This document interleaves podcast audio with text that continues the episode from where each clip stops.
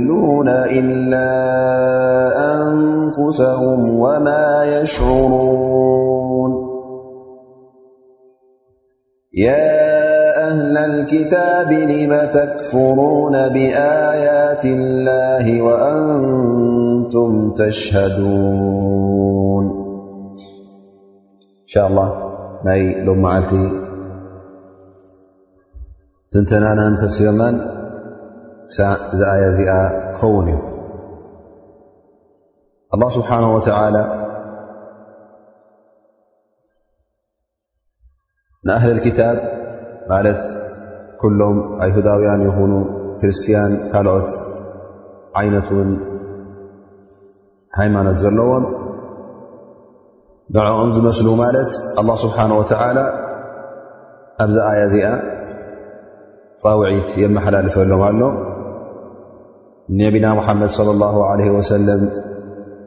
ቁል በሎም ኢኻ ከምዝበል ኢኻ ያ ሙሓመድ ነቶም ኣህለል ክታብ ከምዙ ኢልካ መልእኽተይ ኣመሓላልፈሎም ኢኻ ቁል ያ ኣህለ ክታብ ኣንቱም ሰብ መፅሓፍ ኣንቱም ቅድሚ ሕጂ መፅሓፍ ዝወረደኩም ብኣላ ስብሓን ወተዓላ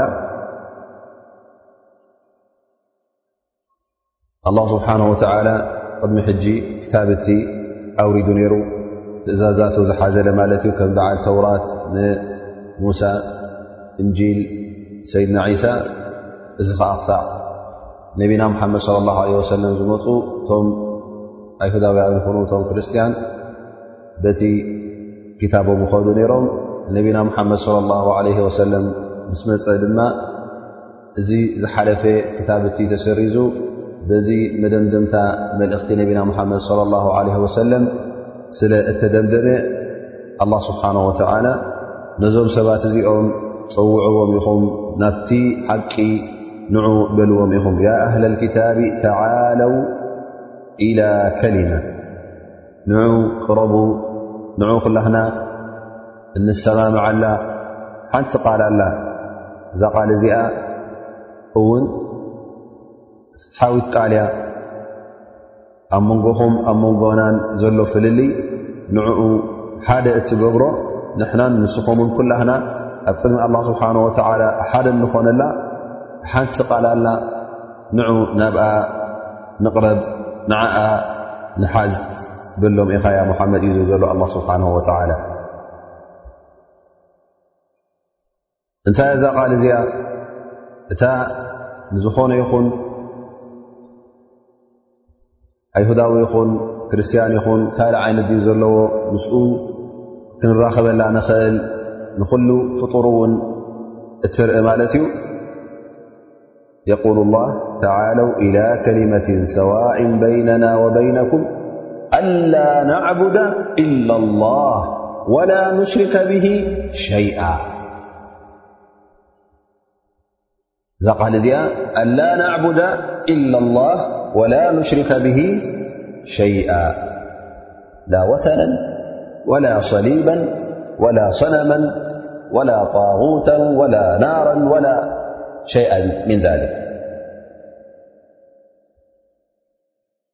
ፍፁም ኣምልኾትና ብጀካ ንኣላ ስብሓን ወተዓላ ንኻልእ ንኸይከውን ከምኡ ውን ምስ ኣላ ስብሓን ወተዓላ ተዳራጊ ሽርካ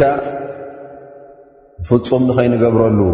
ንዑ እዛ ቃል እዚኣ ንኹላህና እተሰማም ኣምልኾትና ንመን ንሓደ ኣላ ስብሓን ወተላ ንምስልን ንስእልን ንመስቀልን ንጣዖትን ንእሳትን ንኻልእ ዓይነት ንገረብ ንቐብሪ ንመላእካ እዚ ኩሉ ኣምልኾት ነዞም ጠቐስናዮም ኣይፍቀድን እዩ ንመን ደኣ ንኣላ ስብሓን ወተላ ንሓደ ኣላ ስብሓን ወ ኣምልኾት ንመን ንሓደ ኣላ ስብሓን ወተዓላ ሽርካ ዘይብሉ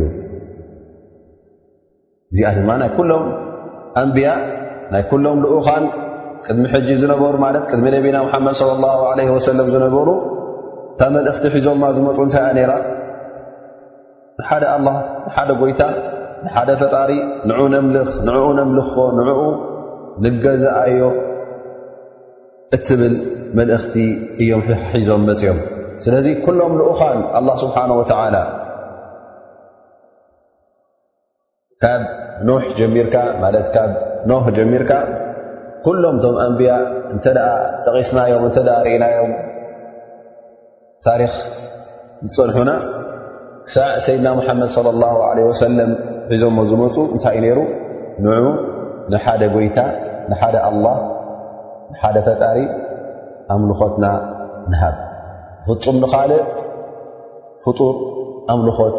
ኣይንሃብ ምስ ጎይታና ተዳራጊ ሽርካ ኣይንግበር ኣምልኾት ክወሃብ እንተ ደኣ ኮይኑ ንሓደ ኣላህ ጥራይ ክወሃብ እዩ ዘለዎ እያ ነራ እታ መልእኽቶም ዒሳ ዓለህ ሰላም የሱስ ንዓይ ተገዝኡ ነደይ ተገዝኡ ንዓይ ኣምልኹ ኣይበለን ንመን ደኣ ንጎይታይ ኣምልኹ ይብል ነይሩ ሙሳ ሙሴ ማለት እዩ ከምኡ ውን ንዓይ ኣምልኾት ሃቡኒ ንዓይ ስገዱለይ ንዓይ ብኣይ ኣሚንኩም ንዓይ ጎይታ ኣነ ጎይታኹም እየ ኣይበለን እንታይ ደኣ ጎይታኹም ሓደ ኣላ ሓደ ፈጣሪ እዩ ዝብል ነይሩ እቶም ቅድሚኡ ዝነበሩ ከም በዓል ሰይድና እብራሂም ኣብርሃም ከም በዓል ያቆብ ዮሱፍ ኢስሓቅ እዞም ኩሎም ዝሓለፉ ኣንብያ ፃውዒቶም ዳዕዋናቶም እውን ሓንቲ እያ ነይራ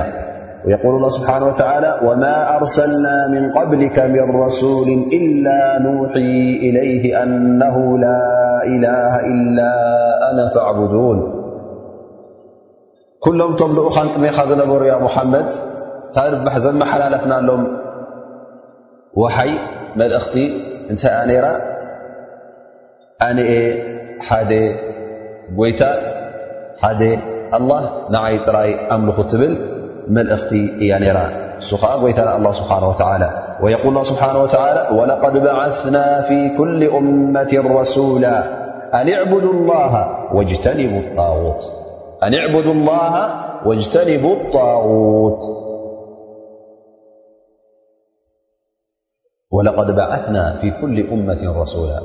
ዝሓለፋ እመታት ኩለን ልኡኻን መፅኦመን እዮም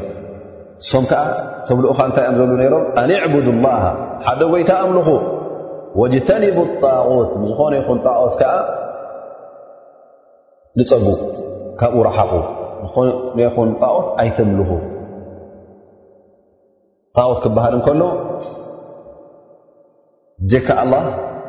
ኣምልኾት ዝውሃብ እንተ ኮይኑ ጣኦት እዩ ዝስነ ፈኢዘ ኣላ ስብሓን ወተዓላ ነዚ ብዘይክኡ ኣምልኾት ንኽወሃብ ፍቓድ ዝሃበ ወይ ከዓ እምኒ ኮይኑ ገረብ ኮይኑ ስምዒት ዘይብሉ ባዕልኻ እንተ ተምልኾ ኮንካ እዚ ኩሉ ጣኦት እዩ ዝስመ ስለዚ ካብ ጣኦት ረሓቑ ንጣኦት ኣይተምልኹ መን ደኣ ንዓይ ኣምልኹ እዩ ዝብል ዘሎ ኣላ ስብሓን ወላ ወለቐድ በዓትና ፊ ኩል እመት ረሱላ ኩሎም እማታት ዝለኣኹም ልኡኻን ናብ ኩሎም እማታት ዝለኣኹም ልኡኻን ኣላ ስብሓን ወላ እዚኣ ሓንቲ መልእኽቶም ነይራ ማለት እዩ ስለዚ ነቢይ ስለ ላ ለ ወሰለም ነዛ ፃውዒት እዚኣ ድማ ነዛ መልእኽቲ እዚኣ እነሀ ከምቲ ኣላ ስብሓን ወተዓላ ዝኣዘዞ ነዞም ቅድሚ እስልምና ቅድሚ ነቢና ሓመድ ለ ላ ለ ወሰለም ኣብ ቀረባ ግዜ ክታብትን መፃሕፍትን መልእኽቲ ወሪድዎም ዝነበረ ፃውዒቱ እናቕረበ ናፍቲ ሓንቲ ቃል ኩሉ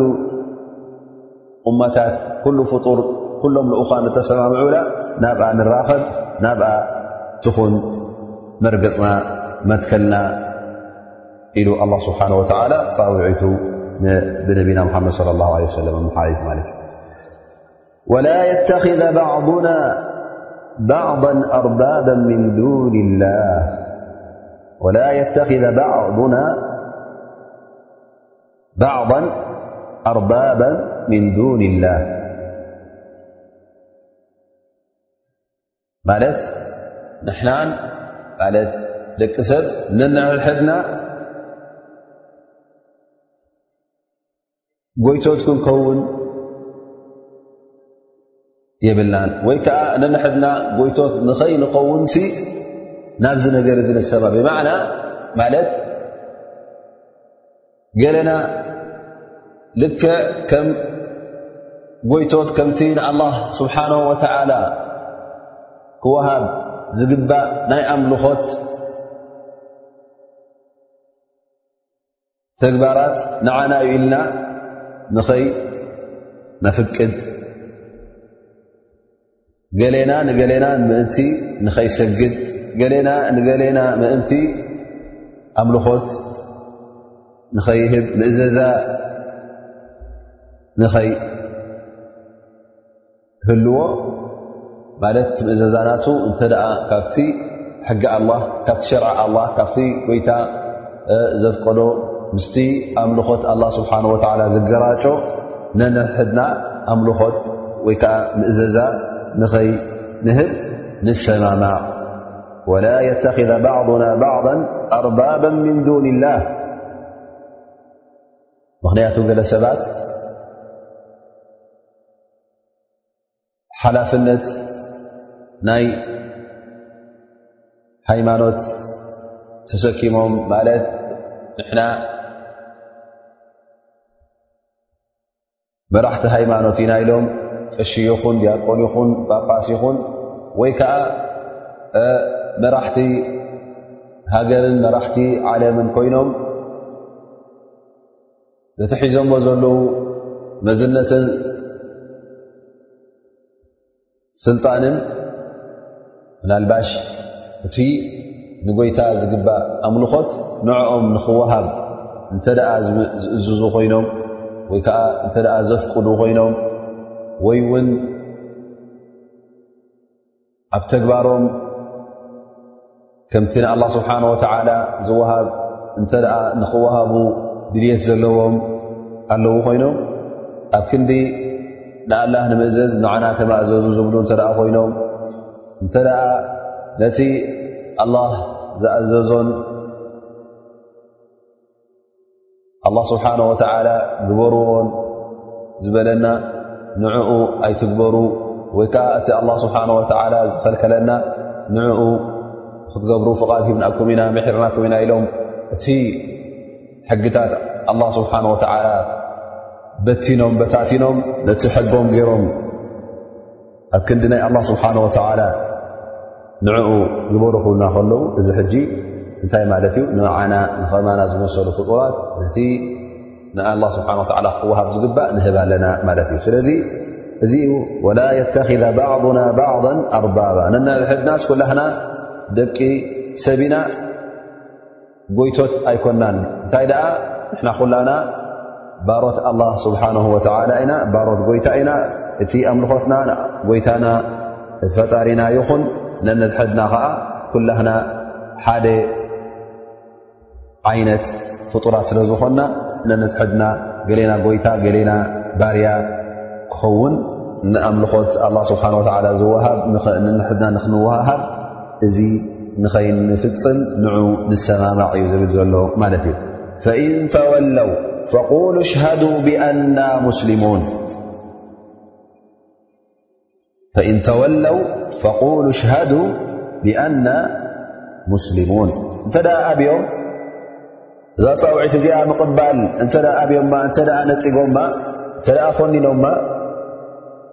ፈኣሽሂዱሁም ኣንቱም ንስኹም ኣንቱም መገዲ ኣላ ስብሓን ወተላ ሒዝኩም ዘለኹም መገዲ ኣላ መሪፅኩም ዘለኹም ኣመስክርዎም ኢኹም ነዞም ዝኣብዩ ዘለዉ ፈቁሉ ሻዱ እሞ ንሕናስ ካብ ኣበኹምና እዛ እትርእዋ ዘለኹም መስክርዋ ኢኹም ንሕና መገዲ ጎይታ መገዲ ኣላ ሒዝና ኢና ንኸይ ዘለና መገዲ እስልምና እቲ ኣላ ስብሓን ወተላ ዝሸርዓልና እቲ ኣላ ስብሓን ወተላ ዘውረደልና ኣብኡ ክንቅፅል ኢና እስኹም ግን ባዕልኹም እምቢታኹም ገበና ባዕልኹም ተሰከምዋ በሎም ኢኻ ፈሽሃዱ ብኣና ሙስሊሙን ንሕና ኣመንቲ ከም ምዃና ጎይታ ኣላ ስብሓን ወተላ ከም ተኸተልና ኣብዚ መገዲ እዚ እውን ቀፀልቲ ከም ምዃንና መስክሩ ኢኹም በልዎም ኢኹም ነቢ صለ ላه ለ ወሰለም እውን ናብ ሂረቅል ዝበሃል ንጉስ ናይ ሮማውያን ሂረክል መልእኽቲ ሰዲዱ ነይሩ እዛ መልእኽቲ እዚኣ ከምዚ ትብል ነበረት بسم الله الرحمن الرحيم من محمد رسول الله إلى هرقن عظيم الروم سلام على من اتبع الهدى أما بعد فأتسلم وأسلم يؤتك الله أجرك مرتين فإن توليت فإن عليك إثم الأريسيين ويا أهل الكتاب تعالوا إلى كلمة سواء بيننا وبينكم ألا نعبد إلا الله ولا نشرك به شيئا ولا يتخذ بعضنا بعضا أربابا من دون الله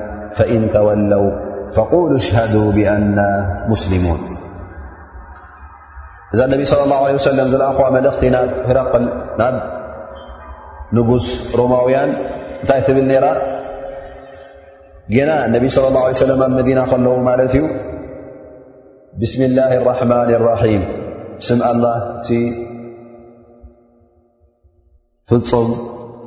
ራህራህን ኣዝዩ ርህርህን ካብ ሙሓመድ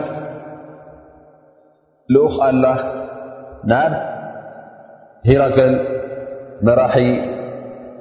ሮማውያን ወይ ክቡር ሮማውያን ሰላም ይኹኖ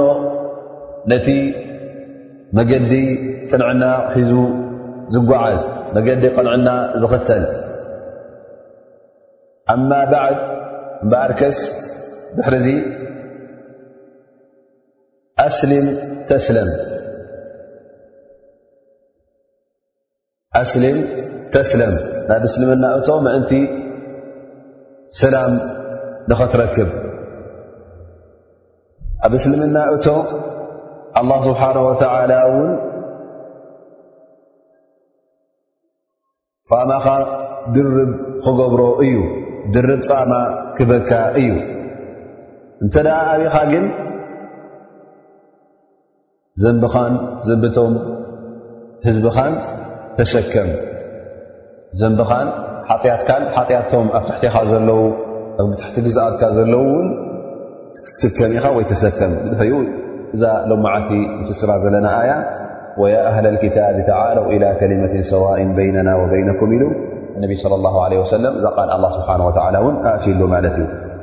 እዚ ሂራቅ ክንብል ከለና ናይ ሮማውያን ማለት ናይ እም ህዝቢ ክርስትያን እዮም ነሮም እዛ መልእኽቲ እዚኣ ሰዲድሎም ማለት እዩ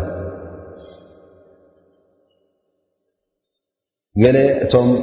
ታሪክ ናይ እስልምና ፀሓፉ ድማ ይብል እዛ ሱራ እዚኣ ሳ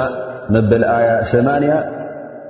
ካብ መጀመርያ ሰድር ኣሊ ዕምራን ሙሓመድ ብን እስሓቅ ከምኡውን ካልኦት ይብሉ እ ሰድር ሱረት ኣሊ ዕምራን ማለት መጀመርያ ኣሊ ዕምራን ክሳዕ ሰማኒ ኣያ ዝኸውን ኣብ ወፍድ ነጅራን እቶም ካብ ነጅራን ዝመፁ ናብ ነቢና ሙሓመድ ለ ላ ለ ወሰለም ብዛዕባ እስልምና ንክጥይቕዎን እሱውን ዳዕዋናት ንከብርሃሎም ዝመፁ ብዛዕባኦም እያ ትዛረብ ዘላ يبل لت ثم يقول الله سبحانه وتعالى بدحر الله سبحانه وتعالى يل يا أهل الكتاب لم تحاجون في إبراهيم وما أنزلت التورات والإنجيل إلا من بعده أفلا تعقلون الله سبحانه وتعالى ንኣይሁዳውያን ይኹን ንክርስትያን ክካትዑ ከለዉ ብሰይድና እብራሂም ብእብራሂም ልኸሊል ብኣብርሃም ስለ ዝካትዑ ማለት ክርስትያን ኣብርሃም ከም ናቶም ገይሮም ይርእዎ ኣይሁዳውያን ድማ ከም ናቶም ገይሮም ይርእዎ ማለት ነቢ ኣብርሃም ኩሎም ከም ናቶም ገይሮም ንዕኦም ከም ዝቐርብ ገይሮም ይርእዎ ማለት እዩ ላ ስብሓን ወተላ ዩንኪሩ ሊክ ኣላ ስብሓን ወተላ እዚ ኣካታዓዚ ይነፅጎሎ ማለት እዩ ቕኑዕ ከም ዘይኮነ የብርሃሎም ኣሎ ያ እህላ ክታብ ልመ ትሓጁነ ፊ ኢብራሂም سلمنتايقم ببرهم سيدنا إبراهيم كل جزية كاتعو تاباناي مساناي نعنايقد بنى ألتبلو يقول بن عباس - رضي الله عنهم- قال اجتمعت نصارى نجران وأحبار يهود عند رسول الله صلى الله عليه وسلم فتنازع عنده فقالت الأحبار ما كان إبراهيم إلا يهوديا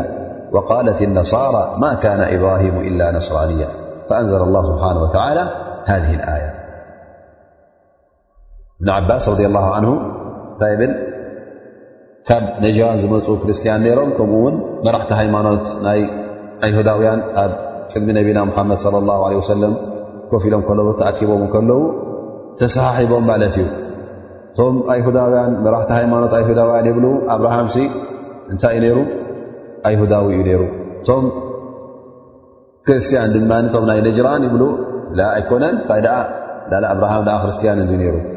ላ ስብሓን ወተላ ብዚ ኣያ እዚኣ ይብሎም ከመይ ጌርኩም ኢኹም ብዛዕባ እብራሂም ብዛዕባ ኣብርሃም ትካትዑ ዘለኹም ኦሪት ይኹን ወንጌል ይኹን ተን መፃሕፍቲ ናይ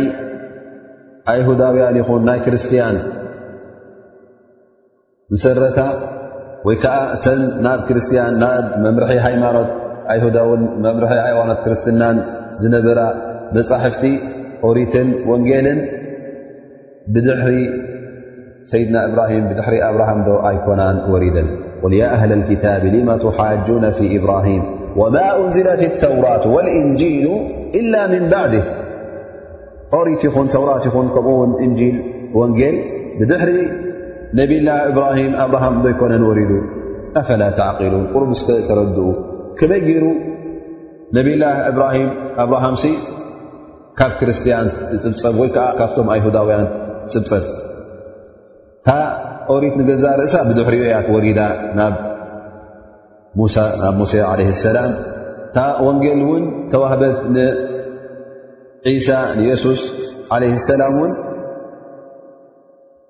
ብድሕሪ ኣብርሃም ብድሕሪ እብራሂም ነይሩ ስለዚ ዘረባኹም ዓቕልን ኣእምሮን ዘይቅበሎ እዩ ኣፈላ ተዕቂሉን ቅሩብ እኳ ኣይትሓስቡን ቅሩብ እኳ ኣይተወድኡን ከመይ ገይሩ ነብና እብራሂም ካብቶም ብድሕሪኡ ዝመፁ ኣንብያ ካብኦም ይፅብፀብ ካብኦም ይቁፀር እዚ ዘይከውን ነገር እዩ ስለዚ እንተ ክኸውን ኮይኑ ወይ ሙሴ ወይ ከዓ ዒሳ የሱስ ሰዓብቲ ናይ ኣብርሃም እ ነሮም ተበልካ እዚ ምናልባሽ ቅቡር ኾን ግን ኣብርሃም ሰዓቢ ናይ ሙሳን ናይ ዒሳን ክኸውን እዚ ነቲ ታሪክ ንገዛእ ርእሱ ዝግምጥል ማለት እዩ ከመይ ገይሩ ትቕድም ዝመፀ ሰዓቢ ተኸታሊ ናይቲ ድሒሩ ዝመፀ ይኸውን እዚ ዘይከውን ነገር እዩ ስለዚ ኣእምሮ ዘይቅበሎ ስለዝኾነ ንገዛእ ርእሱ እቲ ቁርን ኣላ ስብሓን ወተዓላ ነቲ ታሪክ ናይ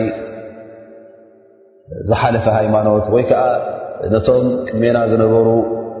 ሃይማኖት ሒዞም ዝነበሩ ማለት ኣይሁዳውያን ይኹኑ እቶም ኣህል ክታብ ከምኡውን ክርስትያን ይኹኑ ክካተዖም እንከሎ መገዲ ሓቂ ከብርሃሎም እንከሎ ኣላ ስብሓን ወተላ ይኹን ኣብቲ ሱና ነቢና ሓመድ ስ ሰለ ክንርኢ ከለና እቲ ዝስዕቦ ኣገባብ ምስቲ ዓቕልን ምስቲ ኣእምሮን ዝላዘብ እናገበረ በቲ ሓንጎልምስ ሓንጎል ዝኸይድ ክትዕ እናገበረ እዩ ዝምልሰሎም ነይሩ ማለት እዩ ስለዚ እቲ መልስታት ዝወሃብ ዝነበረ ኣእምሮኦም ከም ዝቕበሎ ገይሩ ወይ ከዓ ኩሉ ሰብ ከም ዝርድኦ ገይሩ እዩ እቲ ዳዕዋ ምእንቲ ነታ ሓቂ ንኽበርሃሎም ጥራይ ብሓደ መንገዲ ይኮነን እዚ እቲ መልእኽቲ መሓመድ እዚ ዩ ነቢ ንዑ ጥራይ ተኸተሉ ኣይበለ እንታይ ደኣ እቲ ዝኣምንዎን ትዛርብዎ ዝነበሩን እውን ኣብቲ ዝብልዎ ዝነበሩ እውን ኣላ ስብሓን ወተዓላ መርትዑ ኣቕሪብሉ ተኻትዕዎም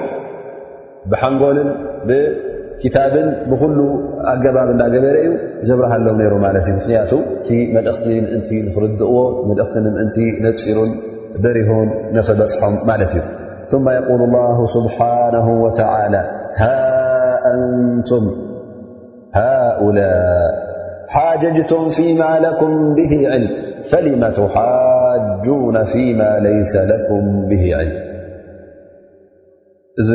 እውን እቲ ወዲ ሰብ ክካታዕ እንከሎ እንተ ደኣ ብዘይፈልጦ ነገር መርትዖ ብዘይብሉ ነገር ታሪኹ ዘይፈልጥ ነገር ብኡ ክካታዕ እንተ ተረኺቡ እዚ እውን ሓደ ጌጋ ማለት እዩ ላ ስብሓን ወተላ ነዞም ሰባት እዚኦም ነቶም ኣይሁዳውያን ይኹነቶም ኣህል ክታብ ክርስትያን እንታይ ዝብሎም ዘሎ ሃ ኣንቱም ሓጀጅቱም ፊማ ለኩም ብዕልም እቲ ትፈልጥዎ ነገር እቲ ትምህርቲ ዘለኩም ነገር ኣብቲ መፅሓፍኩም ዘሎ ነገር ብትዕሊ ተዋሃብኩም ሞስኪ ተኻቲዕኩም ብኡ ተዛሪብኩም እዚ ምናልባሽ መሰረጂ ኣለኩም እተ ኮይኑ በቲ ቤትኩም ዘሎ መሰረጂ ትዛረቡ በቲ ፍልጠት ዘለኩም ግን ከምዒ ጌርኩም በቲ ዘይትፈልጥዎ ነገር ትካትዑ ከመይ ጌርኩም ነቲ ዕልሚ ዘለካ ፍልጠ ዘለካ ነገር እተ ኮይኑ ትፈልጦ ነገር ትካትዓሉ ከምዚ ከምዚ ኢልካ ትዛረብ ተብርህ ግን እንተ ዘይትፈልጣ ነገር ኮንካ ከመይ ጌርካ እዛ ነገር እዚኣስ ከምዚኣ ራ ከምዚኣ ባ ራ ኢልካ ትዛረበላ እዚ ሕጂ ቅቡል ኣይኮነን ላ ስብሓን ወላ ነዞም ሰባት እዚኦም ከመይ ጌርኩም በቲ ዘይትፈልጥዎ ነገር ዘይትፈልጥዎ ዕልሚ ዘይብልኩም ፍልጠት ዘይብልኩም ነገር ከሎስ ከመይ ጌርኩም ትካትዕሉ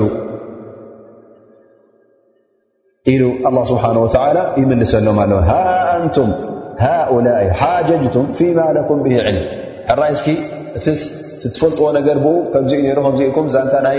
ሙሴ ናይ ሙሳ ዓለ ሰላም ትፈልጥዎ ከመይ ይብል ነሩ እንታይ ገብር ነሩ ዝፀሓናኩም ፅሑፍ ትዛረብሉ ምናልባሽ ትካትዕሉ ንዘይፈልጥ ሰብ ትምልሱሉ ናይ የሱስ ታሪክ እውን እንተደኣ ኣሎ ኮይኑ ትዛረብሉን ትምልሱሉን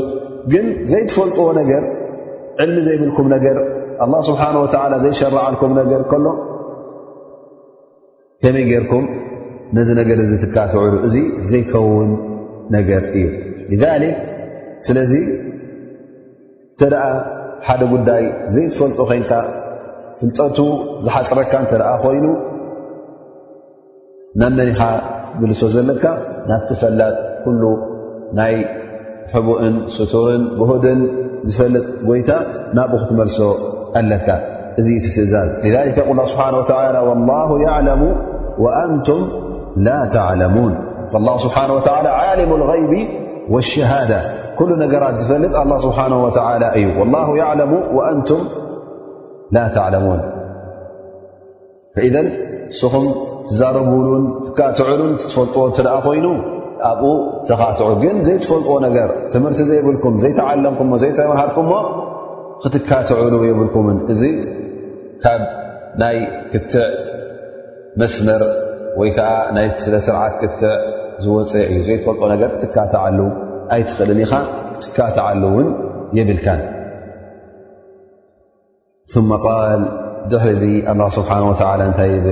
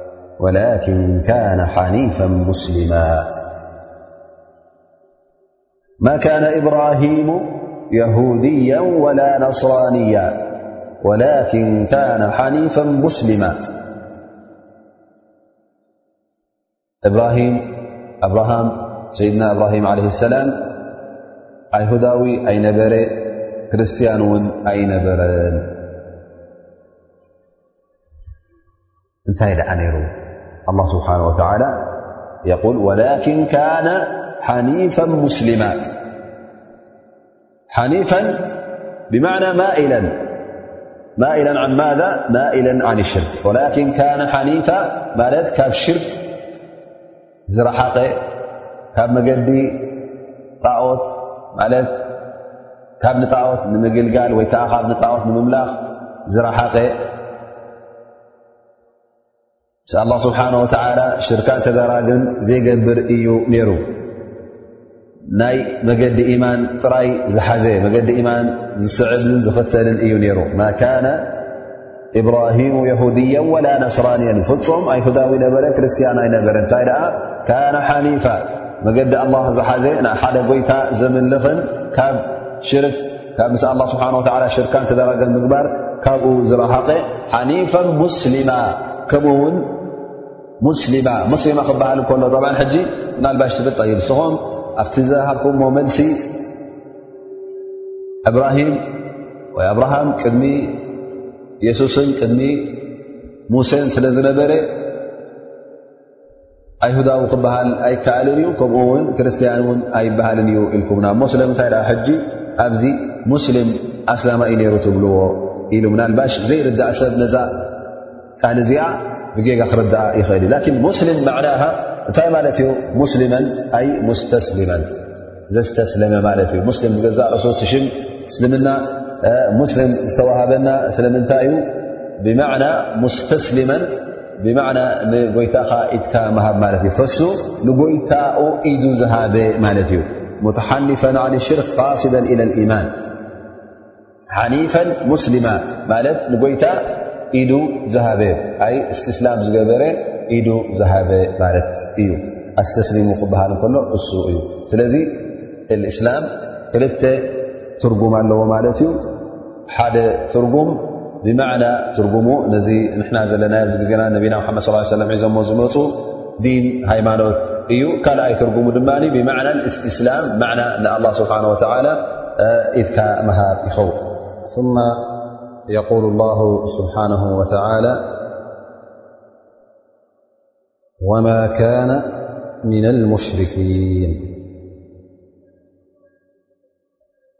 እዛ ኣያ እዚኣ ድማ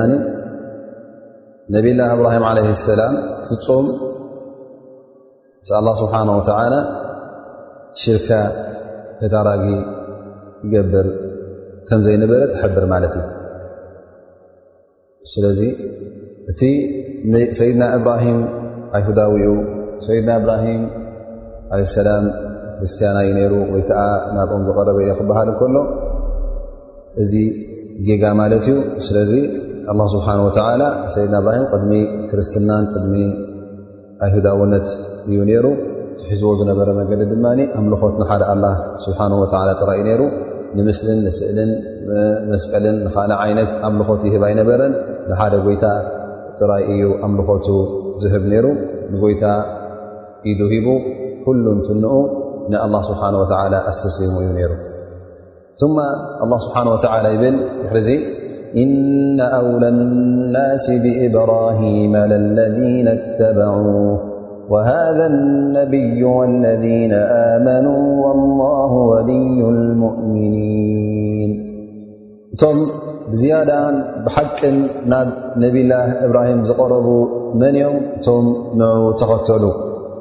እቶም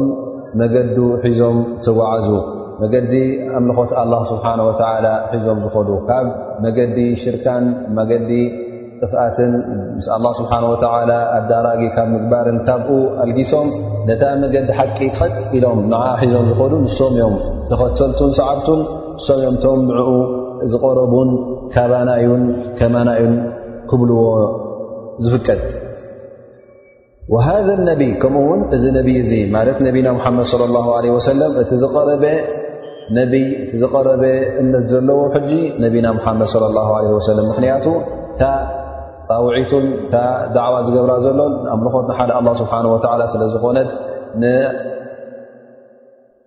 ሽርክነት ምስ ኣላ ስብሓን ወላ ሸርካ ምግባር ምንፃል ስለ ዝኾነት ካብ መንገዶም ሓንቲ ስለ ዝኾነት ዝቐረበ ናብ ነብላ እብራሂም ክበሃል ዝከኣል መን እዩ ነቢና ሙሓመድ ለ ላ ለ ወሰለም ወለذና ኣመኑ ከምኡ ውን እቶም ብነቢና ሙሓመድ ለ ላ ለ ወሰለም ዝኣመኑ እቶም ብፆት ነቢና ሓመድ ለ ላ ለ ወሰለም እቶም ሙሃጅሪን ካብ መካ ንመዲና ዝፈለሱ እቶም ኣብ መዲና ኮይኖም ነቢና ሓመድ ስ ሰለ ዝተኸተሉን ዝደገፉን ብድሕሪኦም ውን እምነት እስልምና ሒዞም ዝኸዱ ዘለዉ ንሶም እዮም እቶም ዝቆረቡ ናብ ነብላ እብራሂም ንሶም እዮም ንሕና ካባና ዩ እንተበሉ ዘመልክዓሎም ምኽንያቱ እቲ እሶም ሒዞሞ ዘለዉ ሰዓብቲ ነብና ሙሓመድ صለ ላه ለ ሰለም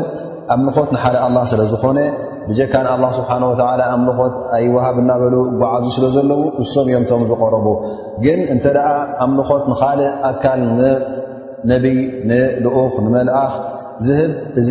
ፍጡም ምስ ነብላ እብራሂም ዘቃርብን ዘዛምድን ዘላግብን የብሉን روى سعيد بن منصور عن المسعود رضي الله عنه أن رسول الله صلى الله عليه وسلم قال إن لكل نبي ولات من النبيين إن وليي منهم أبي وخليل ربي عز وجل ثم قرأ إن أولى الناس لإبراهيم للذين اتبعوه وهذا النبይ والذين ኣመنو والله ولዩ لمؤمنين ነቢና محመድ صلى الله عله وسل ብል ኣዛ ሓዲث እዚኣ ንዝኾነ ይኹን ነቢ ካብቶም ኣንብያ ደገፍቱን ተላፈንትን ተቐራረብትን ኣለዎ ኣነ ድማ እቲ ዝቐረበ ነቢ እቲ ምሳይ ተላገበ ነብዩላ ኣቦይ ፍቱ ኣላ ዝኾነ እብራሂም ኣብርሃም እዩ ይብል ማለት እዩ ምኽንያቱ ነብላ እብራሂም ኣብ መካ መጀመርያ ነታ ካዕባ ዝነደቐ ንሱ እዩ ከምኡ ውን ነቢና ሙሓመድ صለ ላሁ ለ ወሰለም ወለዶኦም ናብ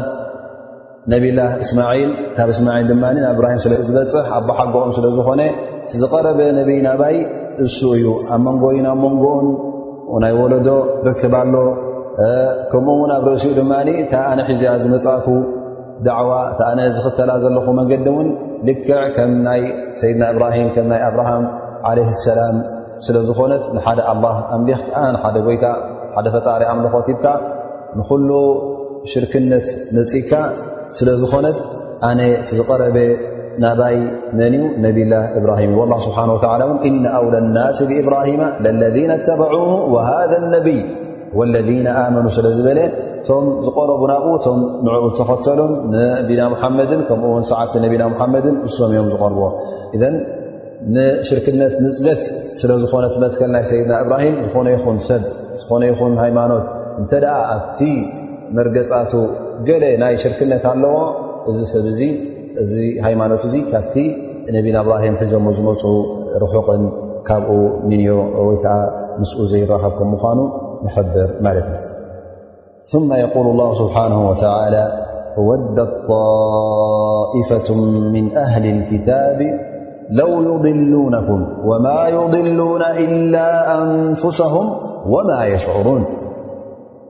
ኣላ ስብሓን ወተላ እዚ ኣያ እዚኣ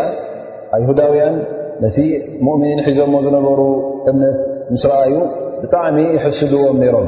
ስለዚ እቲ ሒዞሞ ዘለዎ መንገዲ ካብቲ ሒዞሞ ዘለዎ መንገዲ ንኸውፅዎም እውን ይቃለሱ ነይሮም ማለት እዩ ሊኣኖ ወደጣኢፈቱ ምን ኣህሊ ክታብ ገለ ጃንዳ ካብቶም ሰብ መፅሓፍ ካብቶም ኣይሁዳውያን ማለት እዩ ኣንቱም ምእመና ንዓኹም ካብቲ ሕዝኩሞ ዘለኹም መገዲ ቅንዕና ካብኡ ኣውፅኦም ናብ መገዲ ጥፍኣት ንኸጥፍኡኹም ዝፈትዉን ዝቃለሱን ኣለዉ እዚ ቃልሲ ድማ መሲልዎም ደኣ እምበር ንዓኹም ዝጎዳ ኣይኮነን እንታይ ደኣ ነብሶም እዮም ዘጥፍኡ ዘለዉ ስለምንታይ ኣን ላ ስብሓን ወላ ይል ወደ ጣኢፈት ምን ኣህሊ ክታብ ለው ይድሉነኩም ንዓኹም ንኸጥፍኡኹም እፍነዩ ንፈትውን እዮም ግን ኣላ ስብሓ ላ ብል ወማ ይድሉና ኢላ ኣንፍሰሁም ግን ንሶም ብሓቂ ነብሶም እዮም ዝጎድኡ ዘለዉ ነብሶም እዮም ዘጥፍኡ ዘለዉ እቲ ውዲቶም ናብኦም እዩ ዝምለስ ዘሎ እቲ ውዲቶም ናብኦም ናብ ዝባኖም እዩ ዝምለስ ዘሎ ንዓ ክንከጥፉ እንዲም ሓስቦም ግን ብሓቂ ንሶም እዮም ዝጠፍኡ ዘለዉ ወማ የሽዑሩን ወማ የሽዑሩን ግን ዝፍለጦም የለን ንሕና ንዕኦም ነጋግለና እናበሉ ንርእሶም ኣብ ጌጋ ውልቁ ከም ዘለዉ ይፍለጦም የለን ስለዚ ኣንቶም ሙእሚኒን መገዲ ሓቂ ሒዝኩም ኪዱ እዞም ንዓኹም ንኸጥፍኡኹም ዝቃለሱ ዘለዉ ደዋኒ ኣስተባህሎም እዮም ደኣ ስቑኢልኩም ደድሕሪኦም ኣይትጓዓዙ እሶም ዝበልኹም እውን ክትሰምዑ የብልኩምን ምኽንያቱ ንሶም ከጥፍኡኹምን ካኣጋጊኹምን እዮም ዝፍትኑ ዘለዉ ግን ንነብሶም እዮም ዘጋጊዩ ዘለ ወላ እውን ኣይ ይፈለጦም ከማ ቃል ላ ስብሓን ወላ ካ ኣያ ውን ተና ኣህል ክታብ ልመ ተክፍሩና ብኣያት ላ